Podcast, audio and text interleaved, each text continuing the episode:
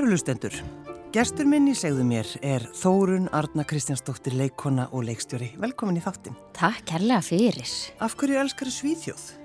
Já, þegar stórst er spurst. Ástminn og Svíþjóð er alveg furðulega mikil og ég á ekki miklar tengingar þar. En ég held að það sé bara að ég elska hvað er alltaf vel tekið á móti börnum í Svíþjóð. Mm. Alveg sama hvað maður fer. Það eru svo skemmtilegi róluvellir þú veist, ef ég fyrir á hótel þá er alltaf svona sér eitthvað fyrir börnin mín og já, ég held ég geti fagnat barninu mér svo rosalega vel út í Svíþjóð. Og ég var farin að fara til Svíþjóðar að gera það löngu aður en egnaði spött sjálf sko. En sko, ma maður einhvern veginn hafa á tilfinningunni að þú ættir mikla tengingu við Svíþjóð því þú ert svo ofta að tala um Svíþjóð.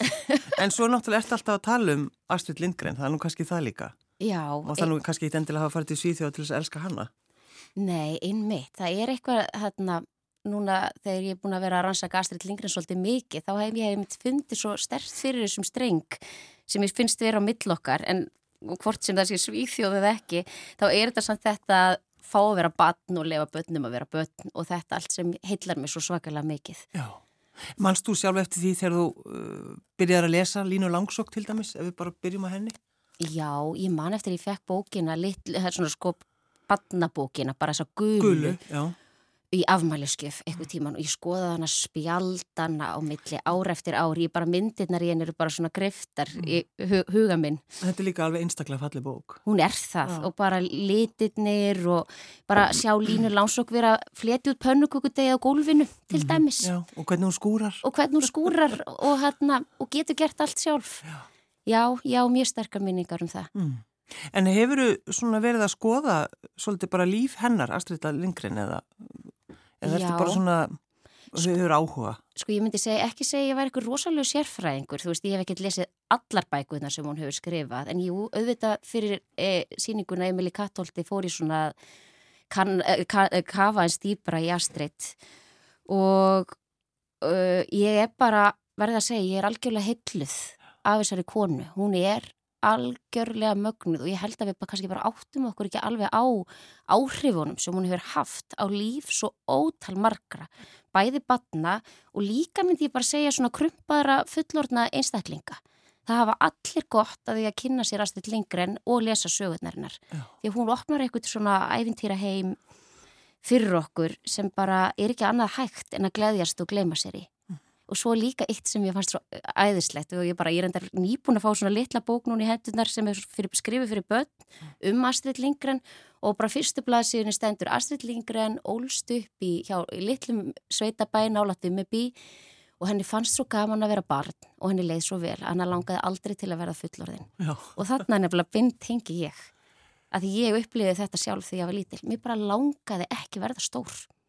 Bara alls ekki En það er fannst svo gaman að leika mér og gaman að vera til. Já, en það er nefnilega sko vennilega erum við að flýta okkur svo mikið og þegar við erum lítil þá, þá eða svona margir, þá bara við viljum verða stór og fullarðinn.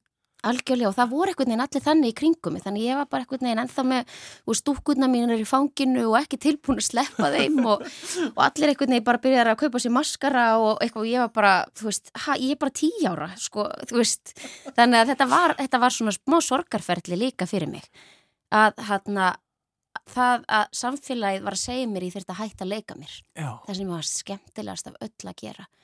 En ég held að þess vegna fór ég líka svo mikið en í æfintýra heimin að búa til leikrit og leikhús og ég var alltaf bara að, að búa eitthvað til. Þannig að þegar ég hætti að geta veist leikið mér með dúkuna mínar og allt ótið mitt þá fór ég bara að leika mér í hlutverkarleikum undir hérna leinimerkinu að ég var að gera leikhús. Já, akkurat.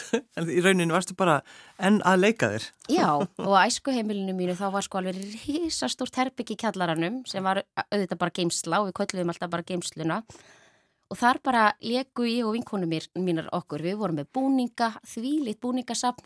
Þær komið með mér segja, gömur föt heima frá sér og elsku mamma, þetta sapnaðist allt í, í, saman í kjallaranum heima hjá mér. Já, já. En þetta bara, já þarna gæti ég haldið áfram sko já.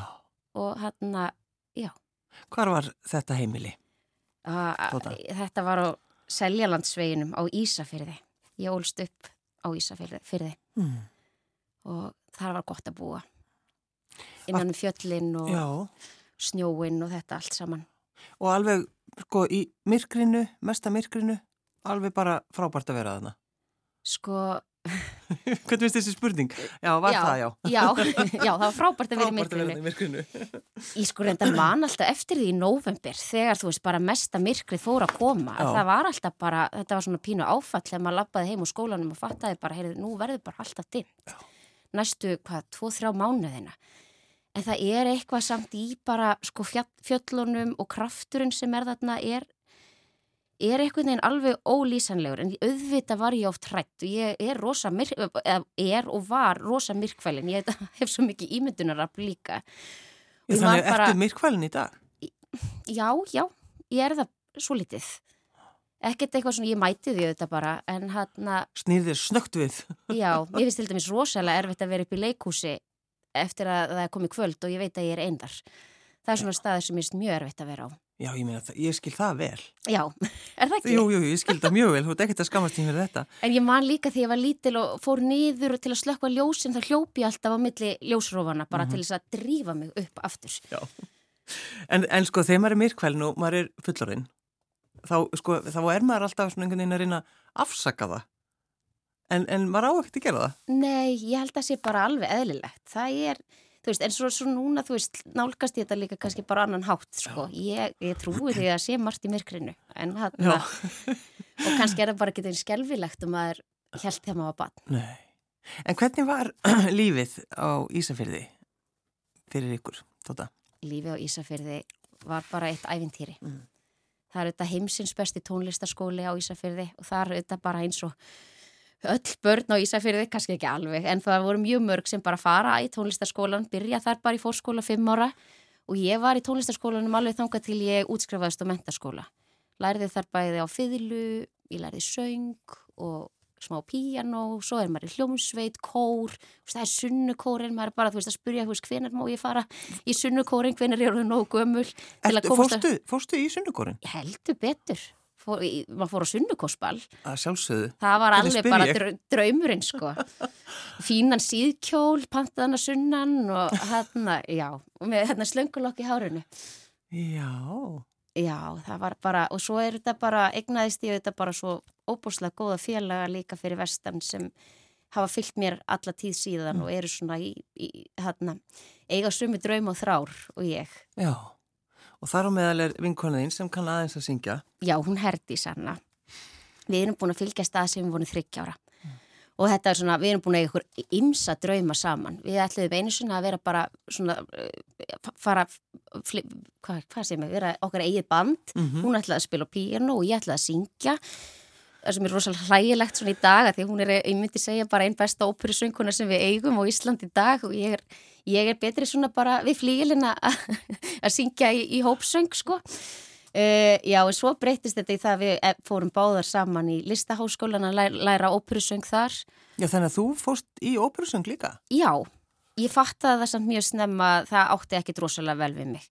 Og mér langaði, þú veist, þegar ég var í söngnáminu í listaháskólanum, þá komst í bæði, var ég að syngja í söngleiknum Anni, ég leik litlu stúlkunum með elspýtunar í óperunni og svo söngi líka í tökin hert uh, í óperunni og ég fann bara að það að standa á sviði átti svo miklu betur við mig og vera í svona skapandi vinnu með fullta fólki heldur en að vera ein inn í einhverju herbergi að æfa mig. Já. Það þarf rosalega aga í það og mér fannst það rosa erfitt en mér finnst það ótrúlega auðvelt að vera öguð og mæta þegar ég er að hitta hóp og við erum að gera eitthvað saman. En þegar ég á að vera einn þá vil ég bara vera að flytja út pönnukukutegi eitthvað starf á einhverju gólfi og Já. gera, gera bara eitthvað annað. Gera eitthvað annað. A, a, sko, uh, ég á, uh, elspýtustokk Í alvöru. með mynd af þér. Ó, Þetta, er, þetta voru, þegar þú varst að, syngja í li, litlu stúlkunum með elspýtunar í Íslensku óperunni það ekki. Jú, Þetta var náttúrulega ótrúlega síning og þannig ertu bara, þú veist, hvað ertu gömul hann? ég held ég sé 21, 22, Já. eitthvað svo leiðis. Það var nú bara auglistið mitt, ég man áhörna pröðunar voru eitthvað, þú veist, 15 til 20 ára eða eitthvað og ég Já. bara, ég ætla bara samt að fara. Já. og ég sé nú ekki eftir því þetta var algjört ævintýri kynnast bara öllum sem voru þarna og Margréti Pálma kórstjóra Mm. svo setna fór sko dóttir mín í stúlnakor Reykjavíkur og þá fekk ég aftur svona tári augum bara að hún fengi sko tækifæri til að upplifa þetta, að syngja í kór hjá henni. Stórkoslegt. En, en þú ákveður svo að, að taka ekki söngin eða semst draumurinn bara er leiklistin. Já, Já. og hann varðað alltaf. Ég, hérna, þú veist, ég bara, mér langaði að gera þetta síðan ég var sex ára og hérna, en ég vissi bara að það var erfitt að komast inn í skólan, hérna, ég reyndi það þrís og sinnum áður en ég komst inn. Vindur þú þrís? Já, og hérna, uh, já, En fyrst... þá hlýtur þau sko að vera bara, þú veist, að gefast ekki upp. Já, ég gafst nú eiginlega upp eftir annarskiptið sko, af því þá komst ég í lokahópin og það var rosalega erfitt að vera bara svona næstum við komin inn og bara þú veist, við, þetta, og þetta var það sem ég langaði mest af öll að gera og svo, þú veist, þannig að maður var komin svo nálagt. Já. En svo var ég svo heppin að ég hitti leikonu sem var að kenna mér söngleikja söng í hana, listaháskólanum, hana Ettu Björgu, bara eftir áramót þegar intökuprófum voru því ég fór í þrijaskiptið og hún sagði bara, Tóta, af hverju ætlar ekki ég þessi intökupróf? Ertu hrætt eða hvað er það? Já. Þú átt að fara.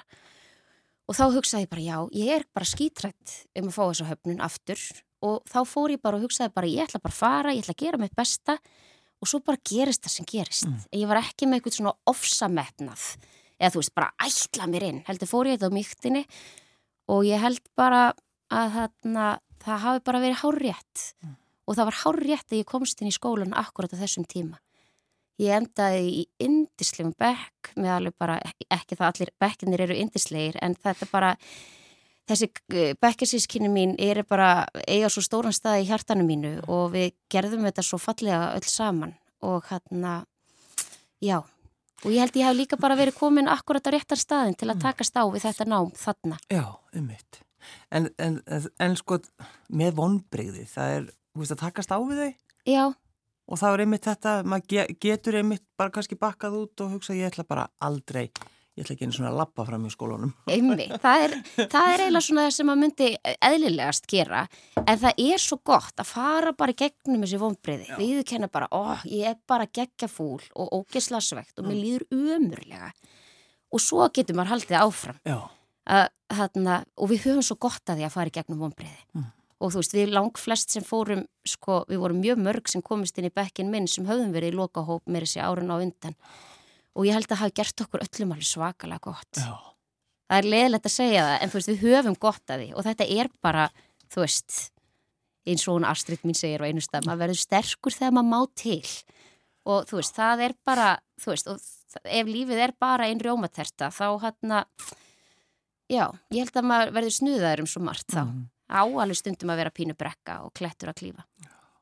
En sko, þú virðist uh, alltaf vera að voða kátt. Já, E ertu alltaf kátt, Tóta? Sko, ég held að ég sé mjög káta eðlisfari og mjög glöð, Mm. en auðvitað er enginn alltaf gladur. Nú er það ekki. Hvað segir þú? Og ég hef alveg þurft að líka sko, að því ég hef bara, þú veist, það var líka svo mikið fronturum minn þegar ég var lítil. Ég var bara alltaf glöð og brosandi.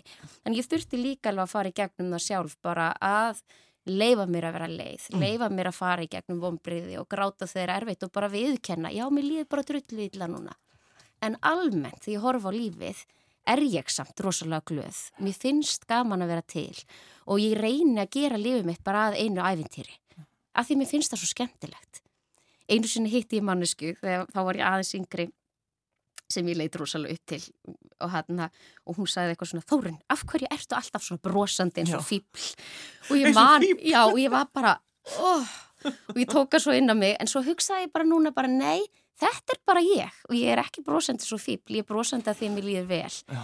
og þetta var, þú veist, þetta átti bara að vera brandari en hann en hann, þú veist, það er bara mín leið, einhvern veginn og bara lífið er svo mikil gjöf og það er svo skemmtilegt og það er svo gott af svo mörguleiti að ég vil bara frekar setja fókusin á það heldur en allt sem er ömulegt það er alveg eitthvað erfitt allstaðar og hann en já, ég vil bara halda þú veist, rísa ammæli og rekjavíkuparti og, og jólaböll og bara baða mig í öllu sem er skemmtilegt. Já, og fara í búninga og... fari í búninga eins og ofta mögulegt er sko. Já, akkurat. uh, Hvað átt að börnum?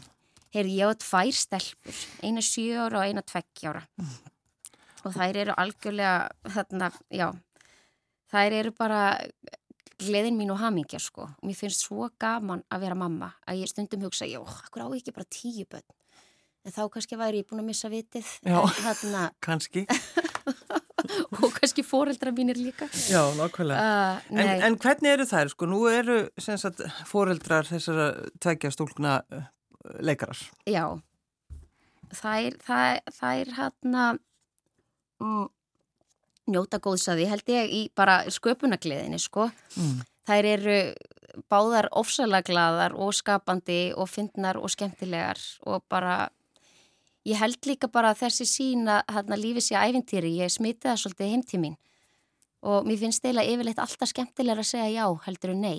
Og ég, yfirleitt þegar verið að byggja mig um eitthvað bara eins og í gær það var stótið mín að byggja mig um að spila og klukkan kannski orðin aðeins og margt og ég þurfti að klára eitthvað og þá tók ég bara ákverðin, ég bara laðið frá mér það sem ég var að gera og bara já, auðvitað spila ég við þig. Já, Við líka, við stelpunar gasi gaman að segja frá því við lendum í því ágúst að vera í COVID-einangrun.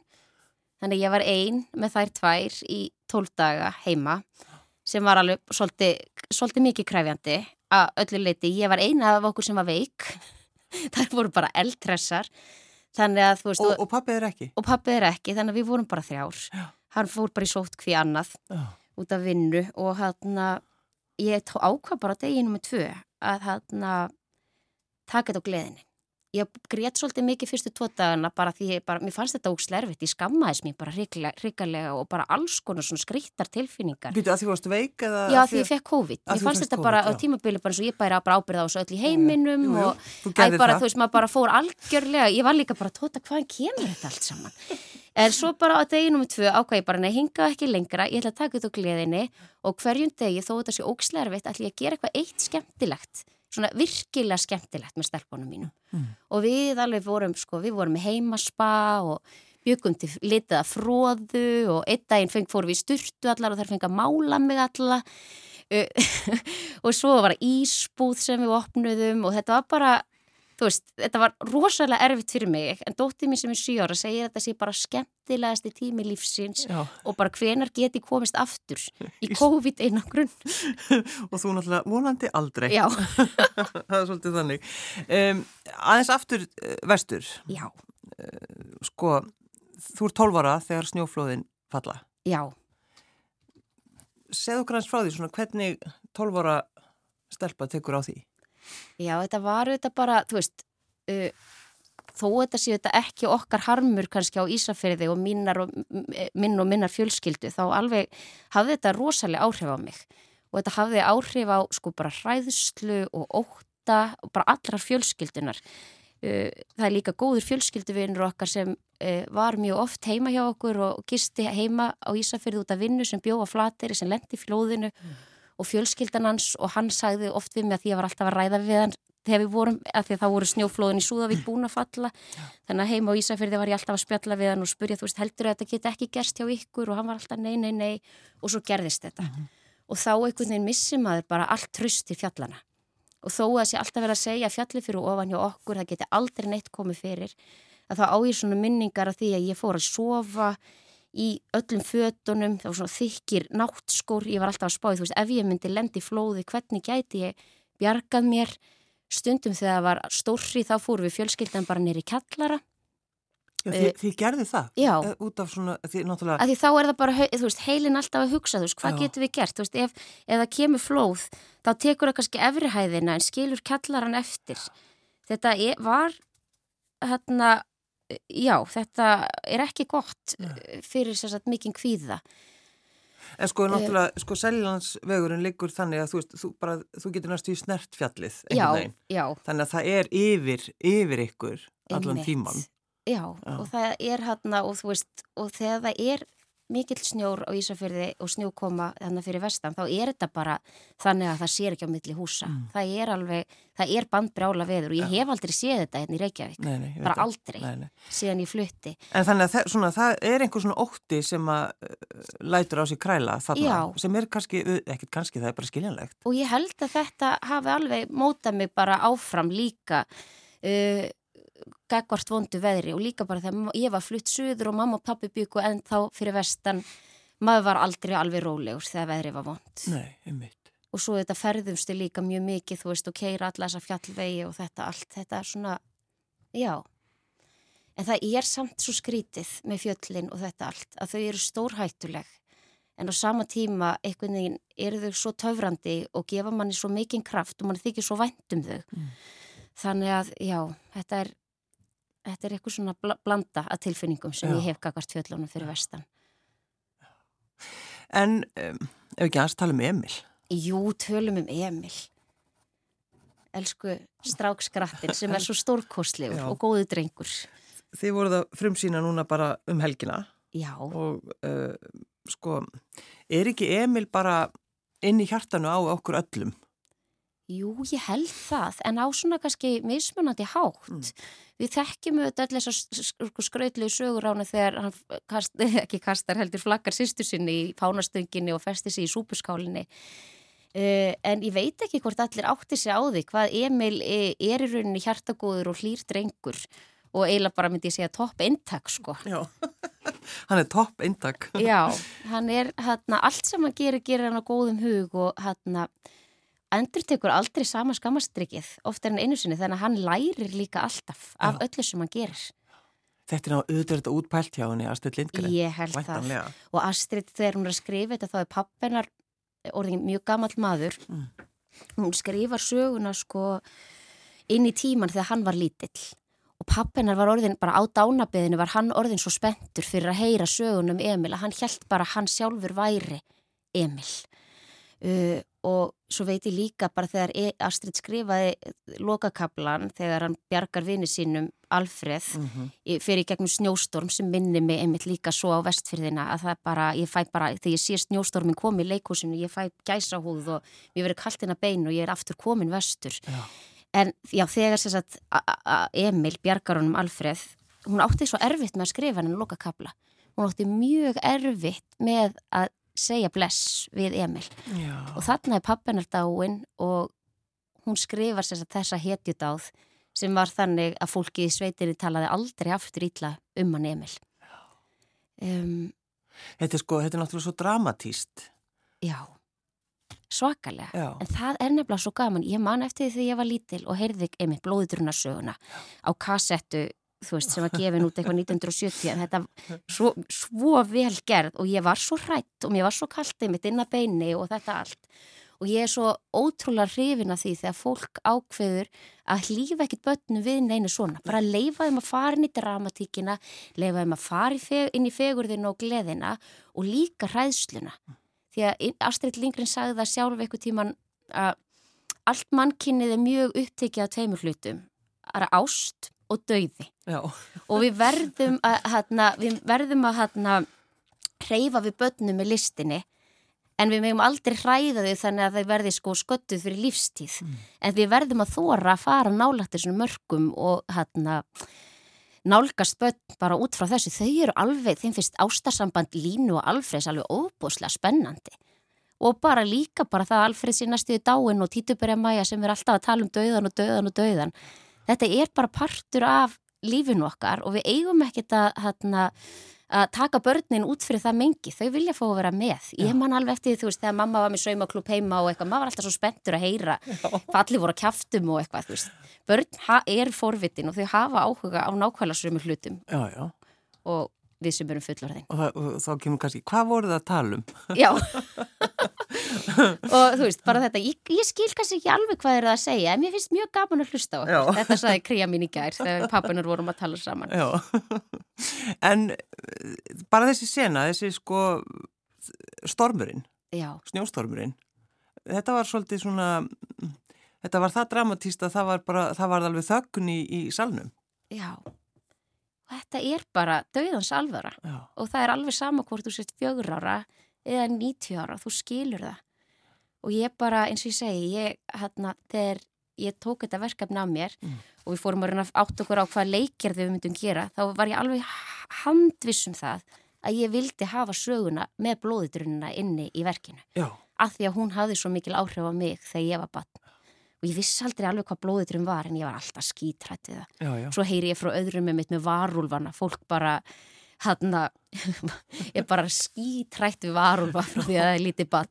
Já, voruð fullur og ennþá hrættu við varulva. Já, ennþá hrættu við varulva. Hver er ekki hrættu við varulva? en, en sko, þegar þú fær þetta verk, sko, hefur þú leikstýrt áður? Um, já, ég hef leikstýrt en ekki svona stóru, sko. Ég, hann, ég bjóð til síningu fyrir fimmárabötn í borgarleikúsinu núna síðasta vor þar sem, sem öllum fimmárabötnum í Reykjavík er bóðið í leikús og þar skrifaði ég litla sögum, litla mús sem var búin að týna hugrekkinu sínu og fór í langferða reyna að finna það mm. og þetta kem, kemur í ljósa á leiðinni í leita hugrekkinu þá ég er hún auðvitað bara með fullt af hugrekki, já hugrekki bjóði skikkjunni sem, sem hún týndi, þannig hún þurfti ekki skikkjuna, hún þurfti bara hjartað sitt. Uh, þetta var svona rosalega bara mikil mikið tótuleg síning og þau í borgarleikusinu þegar þau sáu hana þá held ég að þau hafa átt að segja á því að ég ætti kannski að Emil í Katóldi um, og já Sagður þú strax já? Nei, ég sagðist þér aðeins að hugsa þetta og ég var alveg skítrætt En, en af hverju þurftur að hugsa það? Að því ég var svo hrætt ég var bara býtu halló, býtu, er, er ég að fara að geta gert þetta? Já. Og svo bara mjög fljótlega kom tóta þó sérst skítrætt, þá ertu aldrei að fara að segja nei við þessu því þú átt að gera þetta. Já. Og það var alveg bara í hjartanu mínu, vissi ég það bara. Með allan áhugan minn á Astrid Lindgren, með allan áhugan minn á börnum bara almennt mm. og barnamenningu, þetta, ég gati ekki sagt nei við þessu. Nei, nei. Og þarna í mitt, þetta er líka bara aftur talandum hugreiki stundum verður maður bara stökkufa og trista því að maður muni fljúa. Já, já. Og það gerði ég bara. Þannig að þú hefur verið með skikkun og þú glemt henni heima þannig að þú varst stöðnum þetta þannig að því að þú eru ekki verið í skikkunni nefnilega. Nei og bara þetta bara var engin spurning mm. og hann að... En ef að, þú veist, hugsaður já, ég, veist, get ég leikstýst svona stóru verki, varstu, varstu efast um bara þína hæfileika? Sko ég hef bara alltaf síðan ég var lítil bara aðeins verið að berjast við svona pínulélegt sjálfsmat og smá minnum átt að kent, eða smá, svolítið mikla og haft svolítið mikla trú alltaf á að allir aðra gætu gert hlutina miklu betur heldur en ég. Þannig að þú veist, mm. það er bara svona, þetta er bara búið að vera uh, mitt verkefni. Um, að þá vinna, vinna bara, á mótið þessu? Já, vinna á mótið þessu og bara trúa því að það sem ég hef að segja merk, skiptir máli og getur haft áhrif og er að taka mig pláss. Þannig að þetta er alveg fyrir mig að takast á þetta verkefni bara bæði reysastórt verkefni en líka reysastórt skref fyrir mig og ég bara hérna ég hef heldur búin að stækka mörg, mörg númer á þessu ferli og þetta gekk allt rosalega vel og ég kom sjálfur í mér sko þvílitt og óvart bara trekk í trekk. Já. En þú sko, þú ert ekki feimin að tala um þetta með minnumáttakendina. Mér finnst mikilvægt að tala um þetta, af því ég held að það séu rosalega margir að berjast við þetta. Já, maður felur það. Og það fela það allir rosalega vel og ég spyr mér bara, af hverju eigum við að vera að fela þetta? Af hverju við ekki bara segja þetta upphátt, viðkenna hvernig við erum, því þá held ég okkur bara gangi svo miklu betur í öllum, öllum okkar hérna, verkefnum. Já, já og mér finnst það gott að segja með hlutinu upphátt því þá var eiginlega rosalega lítið sem gæt byggt mig mm. á þessu ferli. Og ég hérna, já. Og mér fannst þetta eiginlega bara frekar auðvelt já, þetta var samt alveg bara, þú veist, þetta var rosalega mikil vinna. Já. en þú veist, þetta var rosalega ánægilegt ferli og bara leikópurinn minn allt fólkið í borgarleikúsinu bara allt samstagsfólkið mitt helt svoleiðis utanum þetta verkefni með svo opið hjarta að þarna og allir tilbúinir einhvern veginn að gefa sitt í þetta að e, þá þá bara getur þetta ekkit annað heldur en bara farið nokkuð vel. Já. En sko, en þegar fólk segir við nei, viðstu, þú þarfst ekki verið með minnumhóttakent, þú ert frábær, trúður því þá ekki eða? Sko, það er alltaf að fólk getur sagt alls konar hluti endalist við mann, Reyndar. en ef maður trúur því ekki sjálfur, þá, þá er þetta bara orð. Já, já. Þannig að aðalverkefni fyrir mann er bara að finna sinn innri styrk mm. og þannig geta uh, farið inn í verkefni. Já. Þannig að þú veist, en það er auðvitað ásæðilega fallegt þegar fólk er að peppa mann áfram en maður verður að trúa því sjálfur mm. og maður verður að taka þetta út frá sínu hjarta. Og þú veist, ég efast ekkit um mig í þessu verkefni í dag en þú veist, þetta eru bara, er bara mörg skref.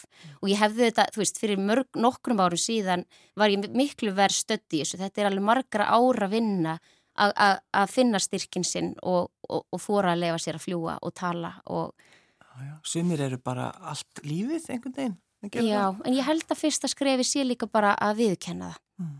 Ég man alveg eftir því þegar ég var lítil í skóla, mér fannst bara stundum mér fannst erfitt að rétt upp hönd og, og, og segja upphátt eitthvað. Þú veist, þó ég standa á leiksvið, þetta er svo galið. Og þú veist, ég vonaði alltaf að kennarinn myndi ekki láta mig lesa upphátt og ekki spurja mig neitt út í bækurnar eða neitt.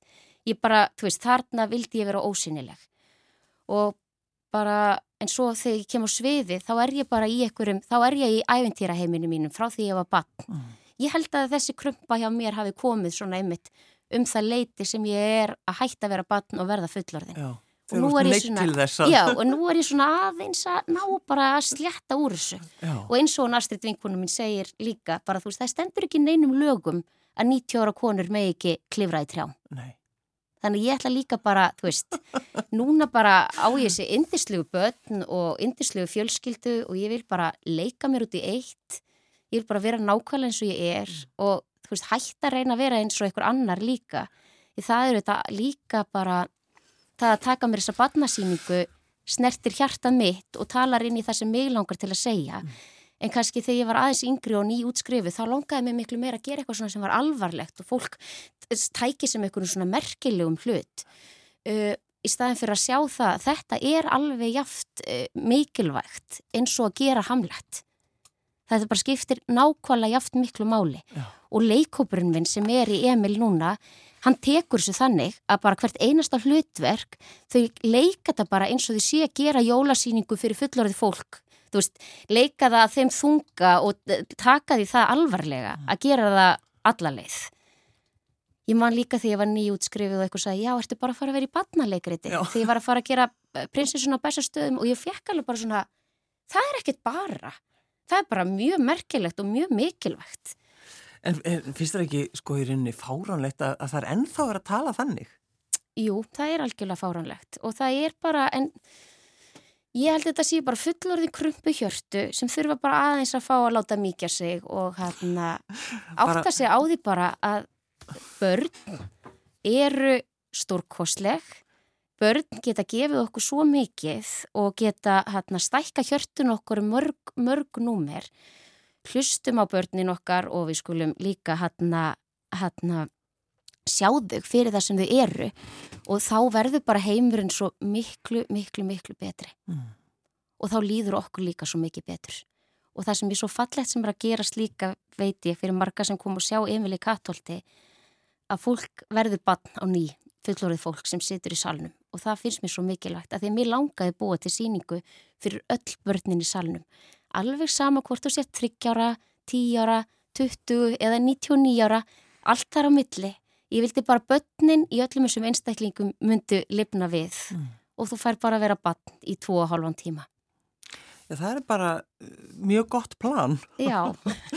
Ég baði uh, Tóta að velja uh, einhverja tónlist. Já. Og, hérna, og þú byrjar að tala um sko íslensku sönglögin. Þú elskar semst að syngja. Já, ég veit að bara... Sko, þú ert ekki syngja nínu, við skulum bara halda því til haga. Alls ekki nínu og þú veist, ég veit fátt skemmtilegra en að vera í góðu partíi mm. og það er eitthvað sem spilar á hljóðfæri og bara syngja. Og það er sko líka bara þegar ég leið, þá hef ég gegnum tíðin að gripi til þess ráðas að syngja. Og uh, söngpartí með þykri söngbók að syngja gömlu íslensku lögin. Mm þetta lofmála koff er besta, besta hópsöngslag, ég setti mér það markmið í sumar að læra öll erindin þannig að það er mitt part partytricks en hann og syngur það mjög rætt já, eða þú veist, nei, sko sögun að syngja hægt en já. svo þarf að taka allir undir mjög rætt í lofmála koff en íslensku sönglaugir, mér finnst þetta að sé eitthvað svona sem allir þurfa að þekkja, ég elska þessi ljóð og ég elska að syngja falleg ljóð við falleg lög og bara að vera í hóp og syngja það er fátt eins mannbætandi mm. og ég veit bara fátt betra. Þess vegna held ég sem bara ótrúlega dásamlegt að við ætlum að hlusta á Draumalandið og það er Garða Kortes Þórun Arna Kristjánsdóttir leikona og leikstjóri. Takk fyrir að koma. Takk fyrir mig